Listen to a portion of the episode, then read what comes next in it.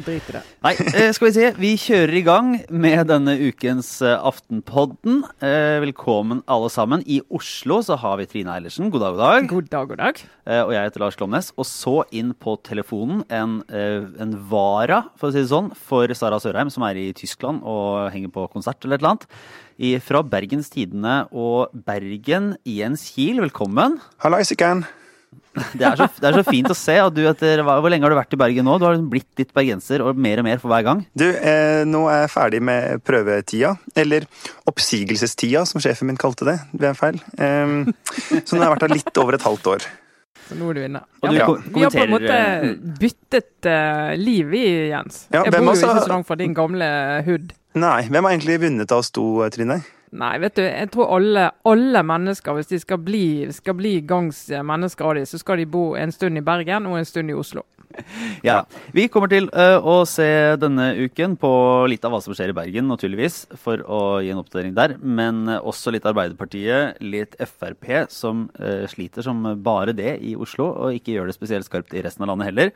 Og så må vi jo snakke litt om stortingsrepresentantene våre, da, som reiser land og strand rundt og tar seg betalt for mer enn det. Men eh, først, kan ikke du Vi skal først takke alle som var på quiz på Rockefeller på fredagen som var. Det var gøy. Det var kjempemoro. Eh, De som er interessert i spørsmålene vi stilte, så kan de finne dem på Facebook-sida. Og så kan vi si at vi jo nærmer oss en eh, livesending i eh, Trondheim i eh, 24. april på Samfunnet. Så det gleder vi oss også til. Og så ja, Var det noe mer sånn i Skulle, oppstartsfasen? skulle folk spilt inn forslag til gjester i Trondheim? Har det vært gøy? Ja, det kan du gjøre. se? Ja, gjør det. Ja. Men Jeg- jeg vil eh, ha Åge. igjen, eh, Jens. Ja, vil du Åge? Ja. Ja. Åge, ja. Er det noen andre Jeg vil ha Bjarne Brøndbo. Ja, Ja, de klassiske der- der politiske kommentatorene. Åge og Bjarne. Ja. Men uh, du, uh, Jens, var om ikke vår representant, så Skipsteds uh, utsendte på det store landsmøtet til Arbeiderpartiet i helgen som var. Var det noe spennende? Ja. Jeg syns at det var veldig interessante dager. Det var noen som kom bort til meg før landsmøtet begynte og var veldig sånn åh, er det ikke spennende? Her skal de virkelig viktige politiske debattene gå. Og så sa jeg bare at nei, hvis det er som det pleier å være, så er jo Ap-landsmøtet en slags fire dager lang gudstjeneste hvor det er bare sånn seremonier, og alt er avtalt på forhånd, og det er ikke noe liksom slinger i valsen. Sandpåstrøingsfestival. Ja. Ja, men så var det på en måte Det var veldig interessante ordskifter, og det var en god del vedtak. Og selvfølgelig Noen av de vedtakene som har fått mest oppmerksomhet, er jo de det var mest strid om på landsmøtet. Men jeg tenker også at mange av de andre vedtakene som landsmøtet var helt samla om, er vel så interessante, for de sier jo noe om et Arbeiderparti som helt enstemmig eh, samler seg om en mer eh, på en måte tydelig eh, distriktspolitikk, en hardere kritikk av bemanningsbyråer og innleie eh, osv. Og, så og det syns jeg er ganske sånn Det er spennende, da. Mm. Var det, er, det, er det en tydelig retning i, i utgangen av landsmøtet? Jeg tenker at det var et eh, Ap som gikk et stykke mot venstre. Altså at det er veldig mange av deres søsterpartier prøver å svare på krisa i sosialdemokratiet ved å bevege seg inn mot sentrum og prøve å finne velgerne der. Så tenker jeg at det var, det var ikke et sånt Ap vi så nå, da. I det hele tatt. Hva var den der rare saken vi leste, var det VG som hadde den, om, eh, om at Jonas Gahr Støre brukte så mye tid på å kritisere regjeringen? Mens Erna Solberg ikke brukte noe tid på å kritisere Nei, men den reagerte jeg på. ja, det, for det, det var, VG har laget en sak der det var sånn 17 eksempler fra talen til Jonas der han kritiserte regjeringen. Og så i talen til Erna så var det null eksempler på at hun kritiserte Arbeiderpartiet eller opposisjonen. Og da tenker jeg sånn Men ikke det er poenget med opposisjonen? At de skal kritisere regjeringen. Det er på en måte jobb nummer én for opposisjonen. Ja. Det er jo ikke jobb nummer én for regjeringen å kritisere de Andre de andre som ikke sitter i makt. Nei, samtidig som jeg tenker at um, Klarer man ut fra den talen uh, Støre holdt, å tenke at han presenterte sitt eget politiske prosjekt, eller bare hamra han løs på de andre? ikke sant? Og man må jo forvente av en som har lyst til å bli statsminister, at han klarer å gjøre mer enn å si at de andre er dårlige. Eh, så jeg tenker at det er litt begge deler, da. At kanskje, de kanskje lente seg for mye på kritikk av regjeringa, og særlig Erna Solberg. Men jeg, jeg lurte på, Jens, du som var der, og, og var der hele veien. Eh, en sånn favorittøvelse fra disse landsmøtene, og noe som har i hvert fall brent seg inn i mitt minne fra tidligere runder, er Én bit var Jonas Gahr Støre som var oppe og sang med, tror jeg, med nummer fire. Eh, det var nå én ting. Men altså også var det den derre dansen han hadde med Madcon. Er, to, år, to år siden. To år siden, ja. Som er et, sånn, eh, et politisk landsmøteøyeblikk eh, av Det er nesten oppunder de biene til Venstre fra, fra, sist. Var det noe sånt den, den, den, helgen her? Dessverre må jeg vel svare nei, eh, men kanskje heldigvis eh, for norsk politikk. Men eh, jeg tror det var jo veldig mye kjendiser. sant? Altså Arve Tellefsen som spiller svisker mens han går mellom benkeradene og til slutt går på kne ned for en lokal ordførerkandidat mens han spiller, fortsetter å spille. Og hele salen holder på å dø av lykke ikke sant? når han etterpå hyller de kommunale kulturskolene og Arbeiderpartiet. Sånne ting da, eh, var det jo masse av. Men eh, jeg tror kanskje de har skjønt at eh, på en måte sånn Nå skal alle slippe seg helt løs. Vel, det, det passer liksom ikke et styringsparti. Så Litt mindre av det var det. Ferdig med det. ja. ja. Ah, men var det noen andre særpreg fra, fra det sosiale på, på landsmøtet? Er det kan, hva er det som kjennetegner Arbeiderpartiet anno 2019? Nei, hva kjennetegner Altså, det som eh, Det virka som det var ganske god stemning blant mange fordi at de rett og slett får lov til å diskutere politikken. ikke sant? Altså, mange sier jo at eh, Støre har mindre kontroll på partiet enn Stoltenberg hadde, men konsekvensen av det, eller den andre måten å se det på, er jo at under Støre er det mer ålreit å mene hva man vil, da. Um, utenom kanskje å mene at man skal legge ned forbud mot atomvåpen og dermed påføre Nato-generalsekretæren et stort tap. Um, men, eh, og det tror jeg jo er med på å gjøre det partiet litt mer levende enn det kanskje har vært før om åra. Uh, og så må jeg jo si fra landsmøtefesten, da, at jeg tror folk i det partiet etter to år med bare Unnskyld ordet helvete. Trengte å bare få lov til å bli litt fulle sammen uten at det var noen skandaler der. Eh, I hvert fall som jeg fikk med meg. Eh, så det var godt, historisk godt trøkk på dansegulvet. De har leid inn da Eh, mitt favorittpartyband Kontrast, som før har pleid å spille på Frp sine landsmøter. Og, og det virkelig Det gjorde susen, altså. Altså, er det, er det et faktisk danseband? Altså, de spiller sånn eh, eh, Hits? Ja, altså alle de låtene du liker best, Lars. Altså 'Living on a Prayer', 'Fanget av en stormvind'. den type musikk. Men sånn at det er litt sånn svingvennlig. Ja. Ja, svingvennlig, ja. Okay. ja. Og jeg jeg, jeg, da blir det full, eh, fullt samrøre og halalpølse for min del, altså. Er, det er kanskje ikke lov å si? Ja. Bare kjør på. Bare kjør på. Men jeg syns jo, jeg synes jo eh, Vi har jo snakket om det før. altså Kontrasten mellom de politiske partienes landsmøter og måten de gjør det på. Da er liksom ytterpunktene har jeg hatt Venstre og Arbeiderpartiet altså rommet for uenighet og rommet for å mene, så har liksom Arbeiderpartiet vært det partiet med aller sterkest regi. Og som du sier, du forventer få overraskelser, for alt er ordnet på forhånd. Alle, alle delegatene er kartlagt hva de mener i stridssakene. Mens i Venstre er det jo 100 uforutsigbart hvor de lander i, i, i, selv de store konfliktene, da, eller for, satt på spissen. Mm. Men at de nå hadde i hvert fall fire store, eller opplevde som ganske store saker, der, der de ikke helt visste hvor partiet landet før, eh, før eh, landsmøtet var i gang. Da. Det mener jeg er ganske uvanlig. Men det vitner vel om at, at, ledelsen kanskje ikke har helt fingeren på pulsen, hvis man blir overraska. Vet jeg ikke i hvilken grad de ble det, men man bør vel ikke bli veldig overraska som ledelse av, av de nederlagene du kanskje uansett vil få på et landsmøte? Var de veldig overrasket over LoVC-nederlaget, eller var det egentlig noe de hadde kalkulert med, som vi gjør i, i, i aksjemarkedet? Så kalkulerer du med en renteøkning og et nederlag.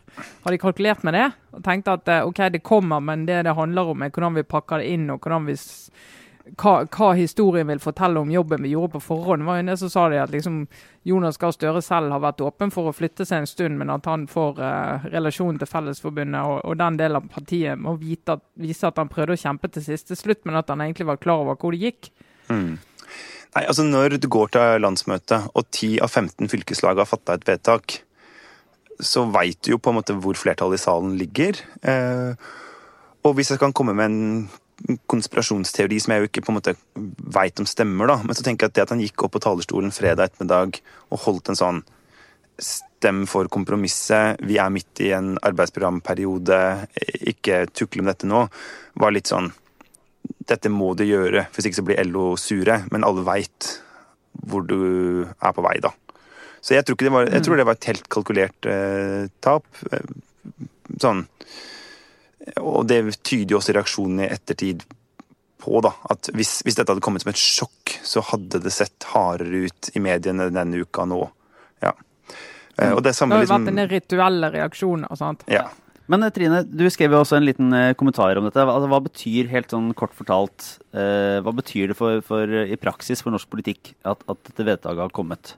Nei, altså, Vi kommer fra et sted der de tre største partiene, eller i hvert fall det som pleide å være tre største partiene, nå er Senterpartiet blant de tre største, men eh, før da Frp, og Høyre og Arbeiderpartiet var de tre største, så var alle de for eh, konsekvensutredning i en eller annen grad. Eh, og ble opplevd som, som oljevennlige. da. Eh, mens nå eh, har Arbeiderpartiet sagt at de vil ikke ha konsekvensutredning. Så nå er det flertallet på Stortinget for det. Det er borte.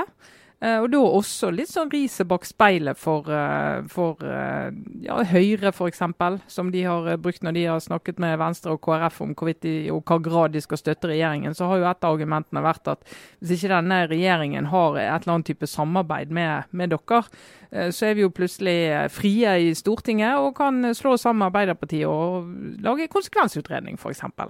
For fordi det er flertall for det. Eh, og det, det, er jo ikke lenger nå en, en eh, trussel. Altså det, det, mange er opptatt av nå, det er jo hva blir den neste saken som erstatter LoVC som den store, viktige konfliktsaken som påvirker regjeringsdannelse. Altså det blir ultimatum rundt. som liksom Altså Hvis miljø, de miljøpartiene og miljøbevegelsen liksom velger seg et par saker, kan de klare å få samme kraft i de som de har fått i LoVC-saken? Ja, fordi at nå, hvis, hvis, Venstre eller SV eller hvem det måtte være som skal gå i regjeringsforhandlinger neste gang, de kan ikke se på uh, eh, LoVC som en stor seier. De kan ikke si at dette er det vi må ha, og så er det litt sånn samme hva som kommer bak det. Nå må de finne en annen sak som skal være en klar seier i oljepolitikken. Ja, er det sånn? Hvis ikke vil jo bare opposisjonen si ja, men herlighet, det der er jo en, det der er jo en skinnseier, for den ligger der allerede. Dere må jo søke å få noe mer om det, enten noe andre om letearealer, skatteregime, eh, boring helt i nord. altså Du må liksom gå inn i noe mer enn det. Kan ikke bare si at vi vant LoVC enda en gang. Mm. Ja, Men eh, vi går videre til eh, Åh, nå ble det så fristende, for det var sånn frekk kalle distriktspolitikk. Eh. himler jeg med øynene, bare sier det. Altså, jeg himlet ikke bare med øynene, for å si det sånn. Og så Lars fra Bø i Telemark har plutselig blitt sånn her eh, Ja, hvordan går det ut på landet?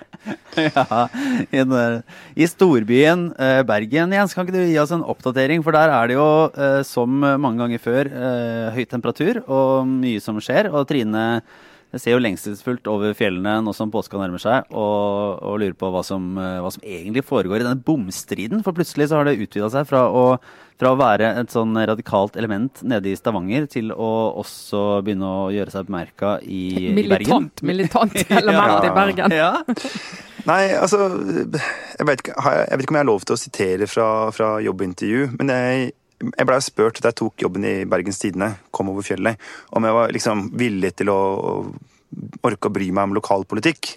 Og da måtte jeg bare svare liksom kødder du? Det er jo Bergen. Det er jo verdens mest fantastiske lokalpolitikk.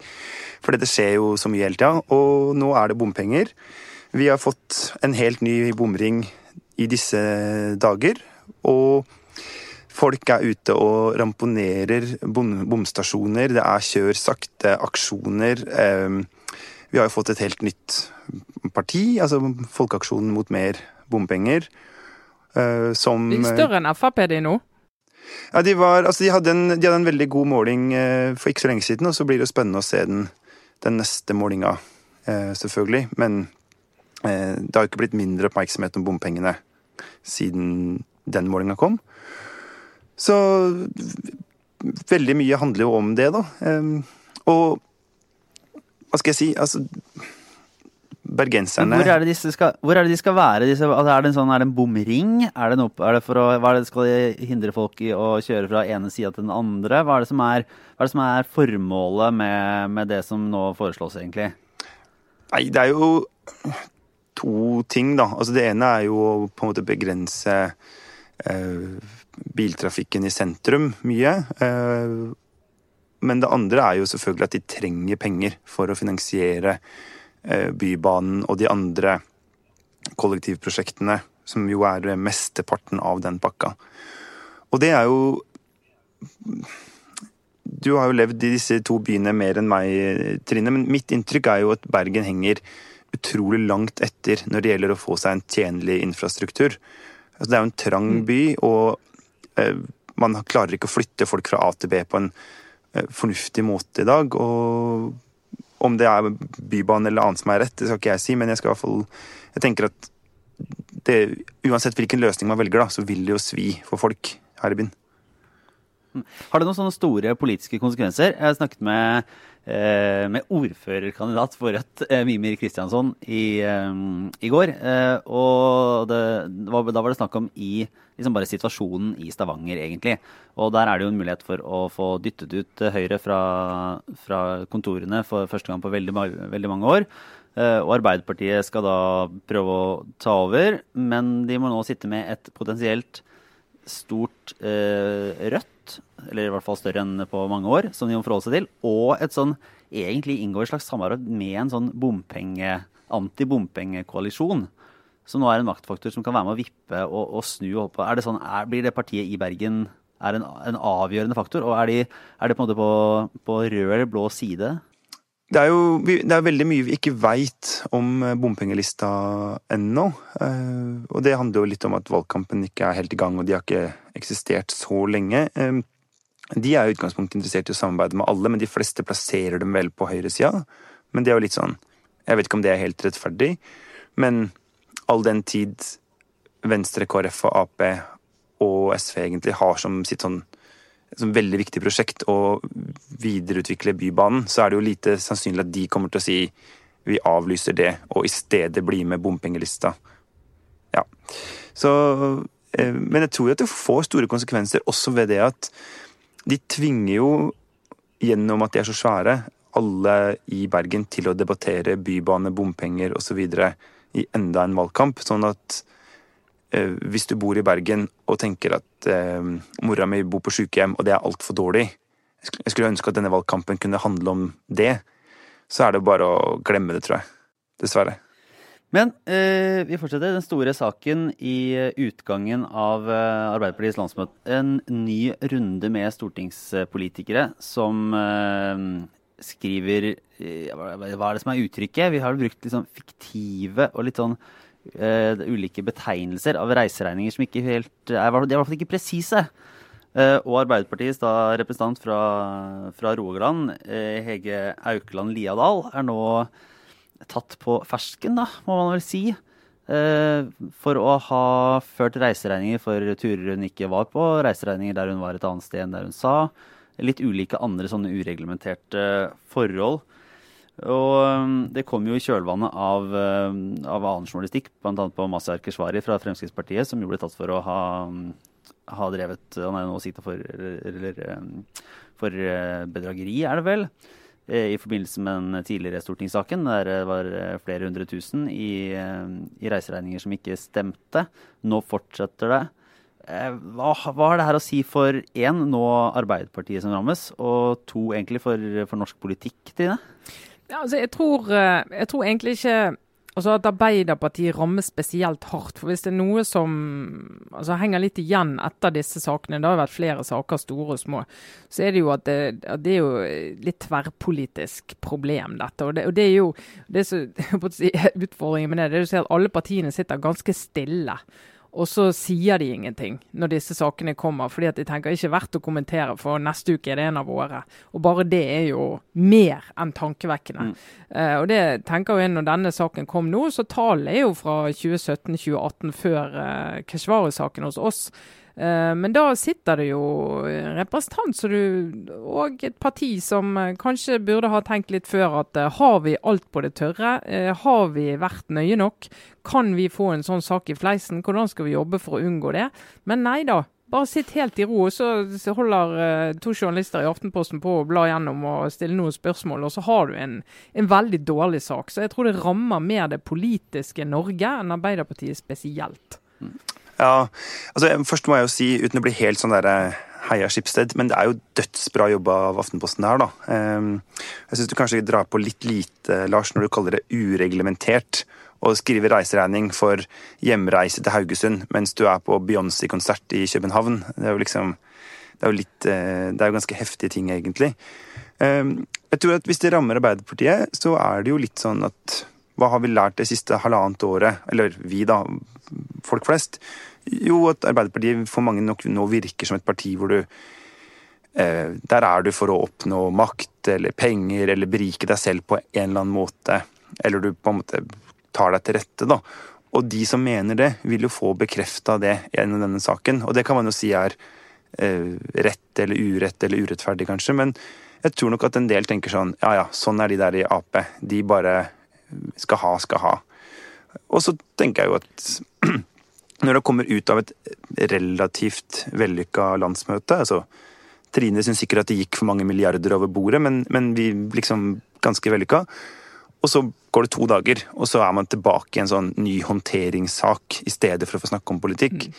Det må jo være Det må ta veldig mye av luven av en sånn ja, Jeg vet ikke om ordførerkonferansen i Ap engang var avslutta da de kom med denne saken, ikke sant? Det er ikke det er ikke veldig deilig sånn ny start. Nå skal vi stå sammen, folkens. Uh, finne ut av hvordan vi skal løse de store utfordringene Norge har. Uh, nye muligheter. Au! Vi kan, vi kan, begynne med å slutte å lure velgerne for penger. Ja. Men, det, men, det, men, det, er jo uh, Altså, det grunnleggende her er jo når du hører på forklaringene til uh, Liadal altså, Hvis du sitter på Stortinget med den som jeg syns helt rettmessige gode lønn og gode forhold du har når du sitter der, og så si til eh, folk som jobber i norsk arbeidsliv, både privat og offentlig sektor, at det er så vanskelig reiseregningssystem og det er ikke lett å holde oversikt. Altså, vet du hva, jeg, Det kjenner jeg blir personlig provosert. Altså Her sitter vi overalt på ulike nivåer og, og bakser med disse reiseregningene. og er det én tax, et taxibilag som mangler, så stopper hele regningen, og du får ingenting, og du må liksom bare gå tilbake igjen. Og det liksom, for det fins kontrollrutiner, og det må de gjøre.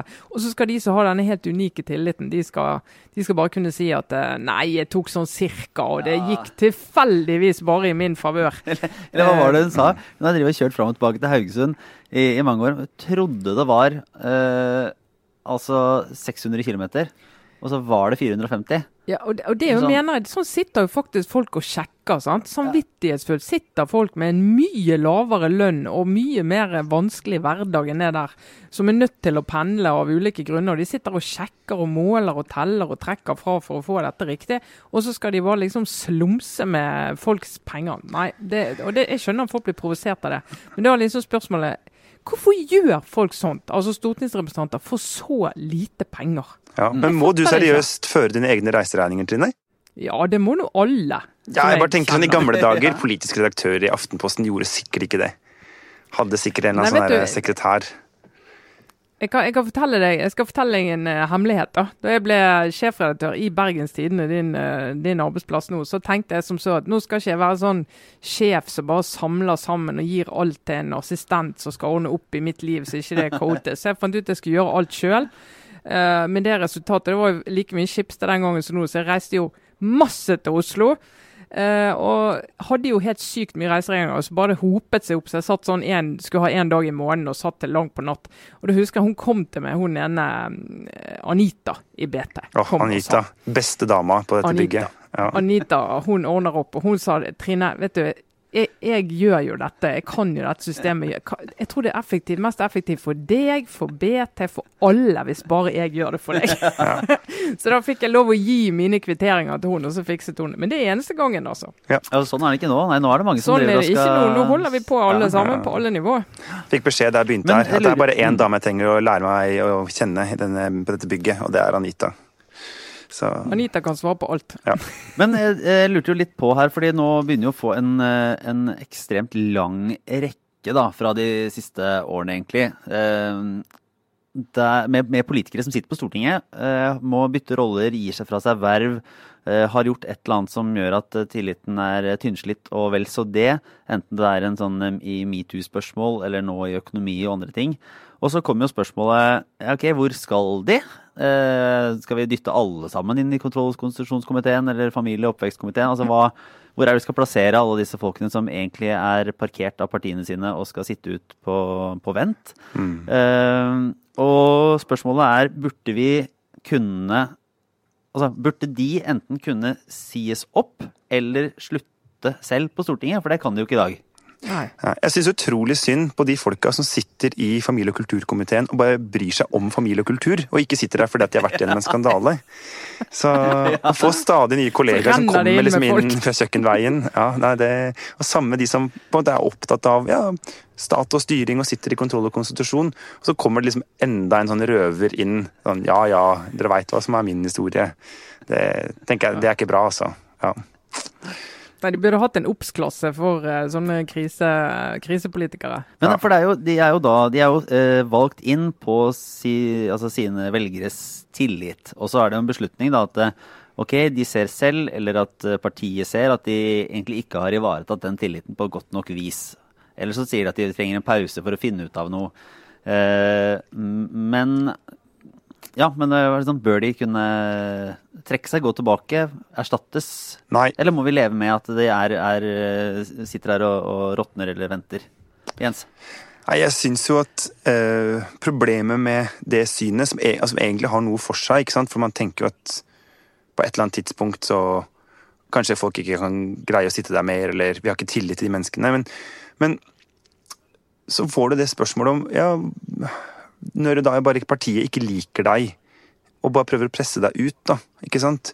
Sånn som hun um, Godskesen, som stemte mot regionreformen, ja. og dermed ble ekskludert fra Frp. Så kunne de ha sagt sånn Ja, hun kan ikke lenger sitte på Stortinget, vi tar inn varaen hennes. Ikke sant? Og da er det jo bare en ren politisk uh, begrunnelse. Altså, det er jo kjempevanskelig. Uh, for vi stemmer jo egentlig ikke inn partiene. Vi stemmer jo inn enkeltpersonene som står på partienes lister. Og, og, da får vi jo da en situasjon hvor plutselig partiene likevel kan ommøblere lista. Eh, og det tenker jeg er potensielt veldig, veldig farlig, da. Men kunne de ikke nå kunne de, ikke, de kunne jo valgt det selv, da. De er jo valgt inn på Stortinget for å ta store beslutninger og ha integritet til å, til å stå imot press fra måte, interessegrupper og velgere og alt mulig rart for å ta ordentlig gode valg. Man kunne jo på en måte forvente at de skulle kunne ta valget om å tre til side også. Hvor, syn, hvor god syns du at de er til å stå imot interessegrupper og press, egentlig? Det, er, det gjør de jo. De ja, men... gir jo etter hele tida. men, det, men, det, er jo noe med altså, Det er jo at det er en sånn teknisk vanskelig, da, hvis du sier det at nei, nå er, nå er jeg på Stortinget, nå er jeg valgt inn på Stortinget et år eller to. og så Si at du får en veldig interessant jobb da, et annet sted. Og så tenker du nei, nå vil jeg heller gjøre det. Og så har folk valgt det inn. Du har valgt inn på et program, på en, på en fremferd, på noe du har lovet mennesker som har gått til urne og tenkt eh, altså I en ideell verden har de tenkt at uh, dette mennesket kan gjøre noe for meg. Og så sier Hege du Hege Haukland Liadal, du er mitt håp. Du er mitt håp. Ja. Du skal fikse ting som jeg er opptatt av her i Rogaland. Og så plutselig sier hun nei, nå, nå bytter de imot, og jeg, jeg, tror jeg drar hjem og gjør noe annet. Og så har du som velger eh, en vara som ja Du kan jo for så vidt si du har stemt på den nå, men, men det, er jo, det, er jo, en helt annen person som ikke har stått på den listen som du faktisk har stemt inn på. Det er jo lite bedrag for velgerne. Så kan du si at En del av disse velgerne kunne jo sikkert godt tenke seg at representanten forsvant. Men da kommer du inn igjen i den derre hvem skal bestemme det? Hvor skal grensen gå? Altså, hvis, du har en, hvis, du har, ja, hvis du blir uh, ute i permisjon fordi du har tafset på en eller annen partikollega, er det nok? Må det være en dom? Uh, og må du ta det til rett? Hvis du har tullet med reiseregninger. Er det nok? Må du være dømt? Må du ha fått fengselsstraff? Holder det med betinget straff? Altså, det blir, det blir en utrolig sånn uryddig verden. Altså, jeg tror rett og du bare må leve med at uh, de må sitte tiden ut. Og så tror jeg, altså, de må, Det viktigste her Jeg syns Ove Vannebo, som vel har vært statssekretær for Frp Justis, stemmer ikke det? Uh, han skrev på Facebook at nå kommer det jo sånn nye, strengere regler for reiseregninger og diett og overtid og alt mulig. Ikke overtid, da, det har du ikke på Stortinget. Men sånne ting. eh, fra presidentskapet. Og han sa det er ikke egentlig det viktigste. Det viktige nå er at folk bare skjerper seg.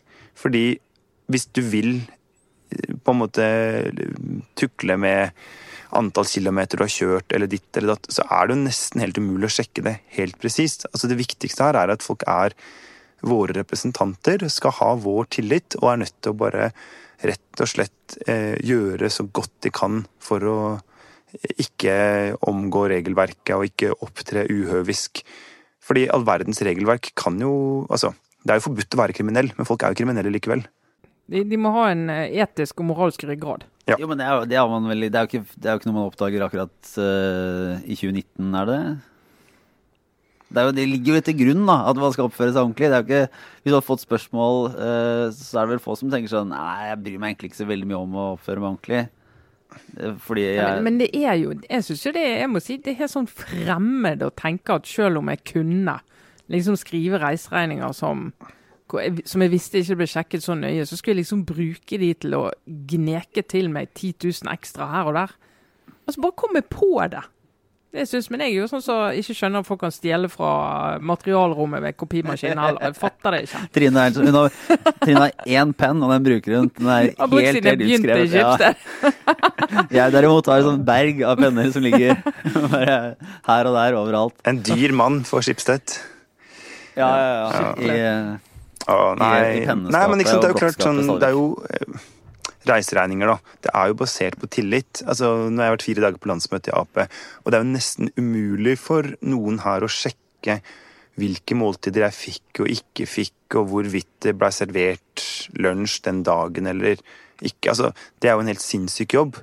At noen skal ha ringt Arbeiderpartiet og spurt sånn Du, Jens var, var han til stede på den lunsjen, eller Altså, Man må jo bare mm. stole på folk. Uh, og derfor jeg tenker at ok, det er jo sikkert bra med litt bedre regler og litt sånn mer undersøkelser. Og f.eks. den saken dere hadde med at Stortinget ble gjort oppmerksom på at hun hadde oppgitt flere kilometer enn hun hadde kjørt, og likevel ikke gjorde noe med det. det da er jo Stortinget også med på å undergrave vår tillit til institusjonen og til politikerne.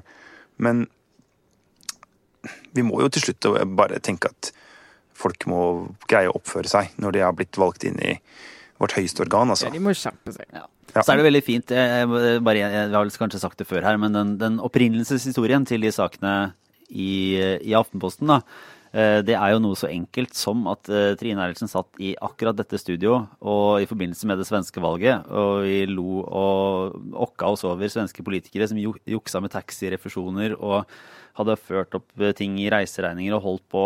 Og det var vel noe sånt som at eh, Nei, dette tror vi ikke kan skje her. Er, vi er så heldige at vi har sluppet dette i Norge. Ja. Så jeg, vi har så ryddige politikere. Og da hadde vi jo noen eh, journalister med de rette instinktene som tenkte at en redaktør som sier det, kan ikke stemme. Nei. Så det har, vel, det har, vel, en viss oppdragende effekt at det sitter noen utafor og følger med innimellom. Og, og, går inn og ser hvordan det står til. Mm. Men eh, vi hopper videre til litt obligatorisk refleksjon. Eh, våre frie tanker om hva som måtte være. Hvordan er det med deg, Trine? Hva går du inn i helgen med? Du, Jeg går inn i helgen. Jeg skal høre siste episode av eh, NRK har en fin serie som heter Hele historien, hvor de tar for seg store hendelser i Norge. Eh, og Jeg har hørt eh, om Alexander Kielland-ulykken. Og det var vel begge dere for ung til å huske. Den ja. Skjedde i 1980, 27. mars i 1980. Da knakk det ene beinet på boligplattformen Alexander Kielland. og Der var det 212 mennesker om bord. 123 av de omkom. Altså en av de største katastrofene i Norge i fredstid noen gang. Eh, og et eh, selvfølgelig stort sjokk for den unge den gangen, oljenasjonen Norge. Eh, og denne, de, de har hele historien. Jeg husker dette godt. Jeg var, jeg var jo da elleve eh, da dette skjedde. Uh, og da uh, husker jeg det gjorde veldig inntrykk på mine foreldre. Jeg er jo, som alle hører, vokst opp på Vestlandet. Og familie i bransjen. Sett ut på verdiskapningen hver dag? Ja. Sett på verdiskapningen hver dag. Familienæringen og naboer og venner og alt sånt. Der som jeg har vokst opp, så har alle et veldig nært forhold til dette. Uh, og når dette skjedde, så så du alle de voksne. De fikk et helt annet drag over ansiktet. Det var et helt annet alvor. Og så husker jeg spesielt en episode der altså På radioen den gangen, så når sånne ting var skjedd, så skrudde de av all vanlig Det var én kanal. All vanlig sending på radio og TV, og så spilte de kun sørgemusikk. kun sørgemusikk. Så husker jeg at jeg litt sånn morgen en av dagene etter det hadde skjedd, skrudde på radioen, og så var det bare sørgemusikk. Og så var jeg sånn skikkelig irritert. sånn, Å, kanskje de spiller noe? Kanskje det være noe annet? Og du husker jeg fikk altså en skyllebøtte fra mine foreldre som var sånn Virkelig en av de jeg husker, da. Fordi de var så preget, og de mente jo da at jeg ikke skjønte alvoret her. Men i hvert fall. Og det Et- et- gjorde seg sikkert et- ikke heller som alvoring. Et, Et, eh, et eh, dumt spørsmål. Altså, Sørgemusikk, hva, hva var det? Det er klassisk musikk. Eh, altså trist, klassisk musikk. Var det? Sånn, sånn. Dvorak og sånn. ja, i timevis. Ja. I timevis. Da var nasjonen i sorg. Altså, det var jo det var jo virkelig en gang NRK samlet nasjonen til glede og sorg. Uh, og det, ja, det husker, jeg husker det veldig, veldig godt, men det, det, er jo helt borte, akkurat det. Uh, men da, denne dokumentaren, som er på tre eh, episoder, går jo gjennom uh, hendelsen og møter overlevende. Møter eh, folk som mistet faren sin, og møter eh, altså folk som var tett på, var med på redningsaksjonen. Og du, de forteller om et helt annet Norge med en helt annen beredskap. Vi snakker om at beredskapen i dag er, er for dårlig, alt det den gangen, men den gangen Norge var overhodet ikke forberedt på at noe sånt kunne skje. En gigantisk ulykke langt ute i Nordsjøen. Uh, og det forteller jo òg at menneskene, familier, fikk høre på TV-nyhetene klokken, klokken ni om kvelden i en ekstrasending at det var skjedd en ulykke i Nordsjøen, og hvor det var. Og da visste du at far var der ute. Men ingen tok kontakt for å fortelle om han levde, lå i vannet, var reddet før det var gått kanskje et døgn og vel så det. Så du levde med en sånn helt ekstrem usikkerhet. Og det, det var så sterkt å høre den historien fra, eh, fra de som opplevde det så tett på. Så når jeg hørte episode to, så ja, jeg rett og slett tok litt til tårene. Jeg ble helt grepet. Så den eh, vil jeg anbefale, anbefale folk å høre. Altså hele historien? Hele historien heter 'Ligger på podkastspilleren til NRK'. Ja. Og du da, Jens. Hvordan er det med deg inn i helgen? Hva går du og grunner på og tenker at uh, det kan reflekteres rundt? Nei, akkurat nå tenker jeg mest på at det er bursdag i morgen, uh, og gleder meg til det. Oi. Men utover det så tenker jeg på Y-blokka i min kjære hjemby Oslo, som jo Vi kan se den fra kontorvinduet, Ja. Jens. Og da er dere heldige. Jeg syns det er et av de fineste byggene vi har i Norge. Og det er jo en, en helt spesiell eh, bygning med en spesiell utsmykning og et ja, trappeløp osv. som er veldig flotte. eh, Og som kanskje må vike plassen for det nye regjeringskvartalet, men nå har jo Riksantikvaren gått jeg vil si ekstremt hardt inn i den debatten, og det gjorde meg veldig glad. For jeg tenkte at den er på en måte en del av den fortellingen om det nye Norge. Et ganske lite land, men som hadde lyst til å eh, liksom ta skrittet inn i, i framtida og bygge liksom noe vakkert. Et regjeringskvartal som symboliserte at man hadde, noe, hadde sakene på stell. Eh, og eh, hvis den forsvinner, så, så går jo på en måte en del av den historien tapt sammen med eh, Y-blokka, og, og med den historien som regjeringskvartalet da har hatt med 22. juli, så, så syns jeg jo at det er viktig å bevare så mye som mulig, da. Eh, Og av det som er av eh, bygg med høy kvalitet. Det er jo en del andre bygninger der som er mindre, mindre viktige. Og så tenker jeg jo at um, Det er jo enda et sånt område hvor jeg kjenner meg som sånn, en fyr som, som helst lengter etter verden av i går, men det, denne kampen er jeg liksom villig til å ta, da. Sånn skikkelig òg. Jeg kjenner at uh, ja, her kan jeg nesten vurdere lenking. Det, er, Ja, der, ja, det kan der. bli litt lenking ute i Kan bli fontena der. lenking, ja. ja. Du, hvordan er du på den, eh, Trine? Nei, altså, jeg, jeg eh, skjønner det veldig godt. Det er tross alt selveste Picasso som har laget uh, der lurer jeg. utsmykningen der. Og det er jo, det er jo spektakulært. Ja. Jeg går jo forbi det nesten daglig og tenker at det, det er fantastisk, da. Men her har jeg ikke helt eh, perspektivet. Det der, at det er Picasso. Jeg bare, det er mulig at jeg er for defensiv på Norges vegne, men jeg, jeg ser liksom for meg at, det, at man sendte et sånt brev ned, og så lagde Picasso noe litt sånn med venstrehånda. At han satt og, og smykka ut en del Og det lurer jeg på om stemmer, for jeg tror han er bygninger rundt om i Europa. Jeg tror han er skeivhendt, så jeg tror jeg stemmer. Ja, ja nettopp. Ja. ja, det, men mulig han brukte høyre, men at, at, at det er Altså, Hvor genuint er det der Picasso-historia? Er, det, er det noe han la sjelen sin i? Er det, er det et ordentlig verk? eller Ja, ja, ja, ja, ja. Og det er jo, altså Selv de mest rivingskåte er jo veldig opptatt av at det verket skal bevares. Men det verket, som da vil ha utført av eh, Carl Nechar, som var en Stemmer ikke dette? En venn av Picasso?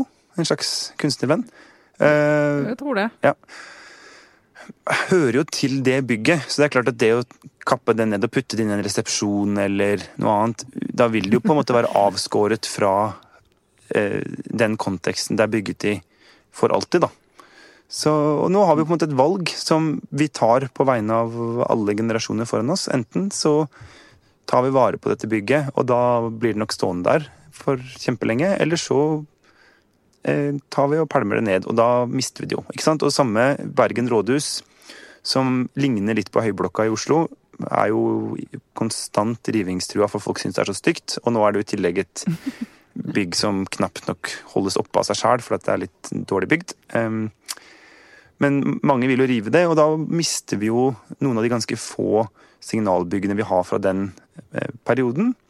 Og det har jo Norge drevet med før. At man liksom Nei, nå er det funkis som gjelder, alt det der bløtkakegreiene kan vi rive. Nei, nå er det bløtkake som gjelder, alt det funkisgreiene kan vi rive. Sånn går det jo litt i bølger.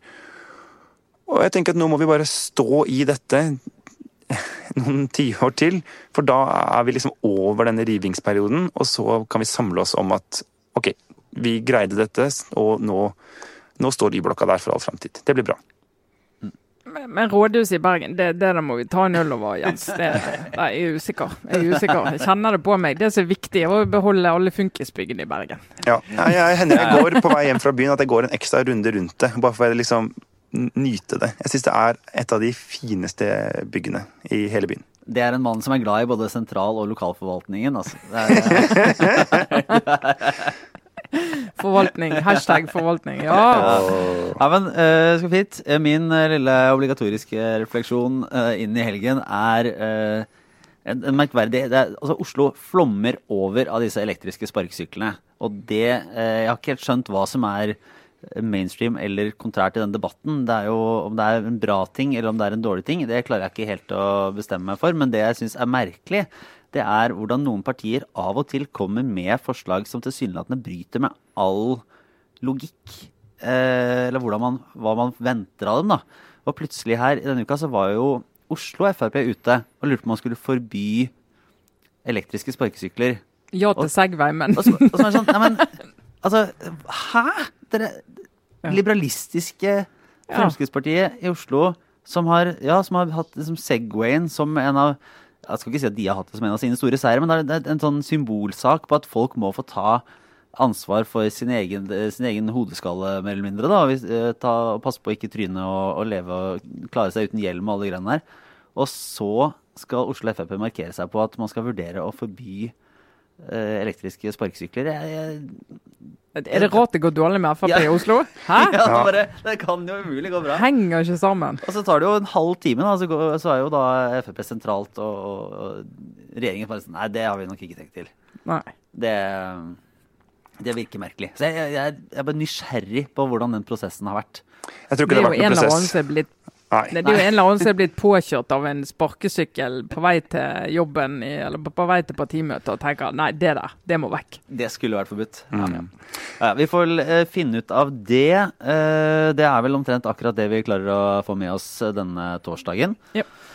Eh, og så er vi tilbake neste uke. Tusen takk, Jens Kiel i, Bergens Tidende, for at du var med oss. Hva er det vi sier borte? God middag. Ja, er det, God middag, sier vi. Ja, Ja. det, ja, det er når vi går fra jobb. Da sier vi god middag. ja. Eh, her i Oslo, Trine Eilertsen og meg, Lars Glomnes, tilbake neste uke. Ha det bra. Sånn, Jens.